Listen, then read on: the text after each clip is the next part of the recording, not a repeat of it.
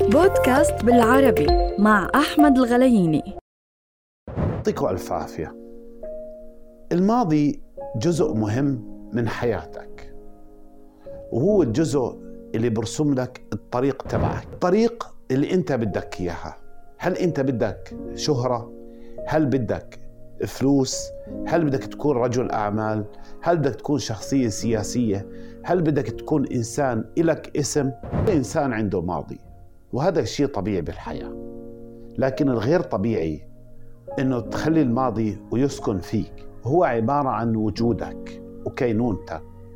هو مستقبلك وإصرارك إنك تتغير. الكاتب المحامي إسلام حيدر بيحكي إنه كل إنسان يعيش حالة التيه. ودائما بدور على فرصته ودائما ببحث عنها. وأثناء ما سير في طريقه وفي تيهه بيجي الطريق. لكن بضل شيء مخزون من الماضي.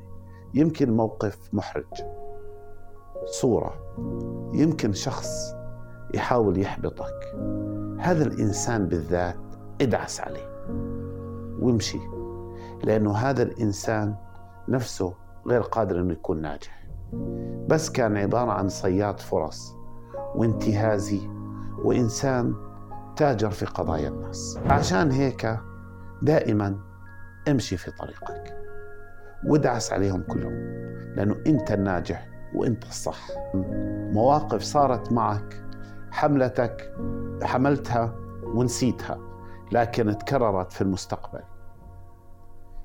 يمكن يوم من الأيام تصادف إلك فيديو أو مشاهد مضحكة أو جزء لا يتجزأ من حياتك الموجودة لكن المهم تقارن نفسك بين ماضيك مستقبلك وحاضرك الآن.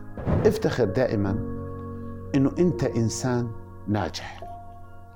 النجاح ليس شرط يكون مادي أو يكون عبارة عن مكسب مالي أو سلطة أو شهرة أو أي شيء من هاي الأنواع اللي بيطمع إلها الإنسان.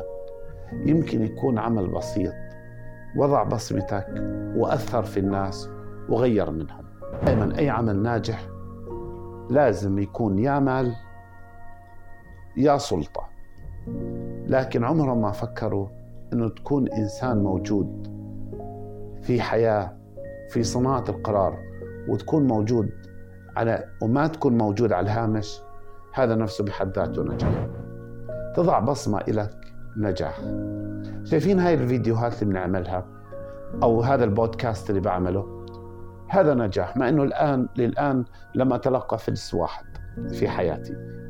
ويمكن من هون لعشرات السنين ما أتلقى. لكن أنا بضع بصمة إلي إني أنا موجود على الساحة. من هون لعشرات السنين ما أتلقى. لكن أنا بضع بصمة إلي إني أنا موجود على الساحة. وإنه بالمستقبل راح أنجح فيه. وإنه هذا هو العالم الجديد. فهذا هو شيء من أنواع النجاح. يمكن الماضي تبعك يطلع لك شيء يخليك تتراجع عن هاي النجاحات. أو عن أي شيء عملته حققته الآن وأنجزته وبنيته. عمرك بحياتك ما تهدم بنائك. بالعكس الآن أنت تثبت للعالم ولنفسك اولا قبل الجميع إنه أنت إنسان ناجح وأنك عملت تغيير. فإذا الماضي انتهى عندك. الماضي انتهى بسيئاته لكن أصبح مصدر فخر لك. عشان هيك دائما بنحكي إنه الماضي هو جزء لا يتجزأ من حياتنا. هيك قول أنا الحاضر. ولست الماضي عود نفسك أولا. أن تقول أنا الآن ولست الماضي. أنا الآن وسأكون في المستقبل. أنا الآن وسأنسى جميع جراحي. لكن أنا الآن أقوى من الجميع. ولا تخجل من ماضيك. واجهه بكل قوتك. وحتى لو واحد حاول يراجعك واجه ماضيك بقوتك.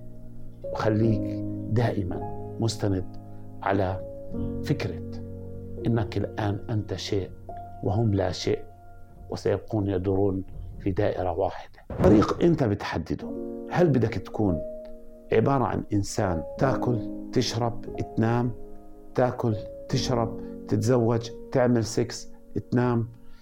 تكون في هذا ال infinity اللانهائي بدك تكسر هاي الدائرة وتكون إنسان منطلق لمستقبل رائع جدا.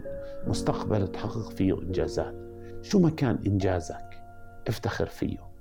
وقول أنا حققت شيء لنفسي. أولا ماضي بتجسد لك يمكن معاناة. في ناس بيحاولوا يحبطوك.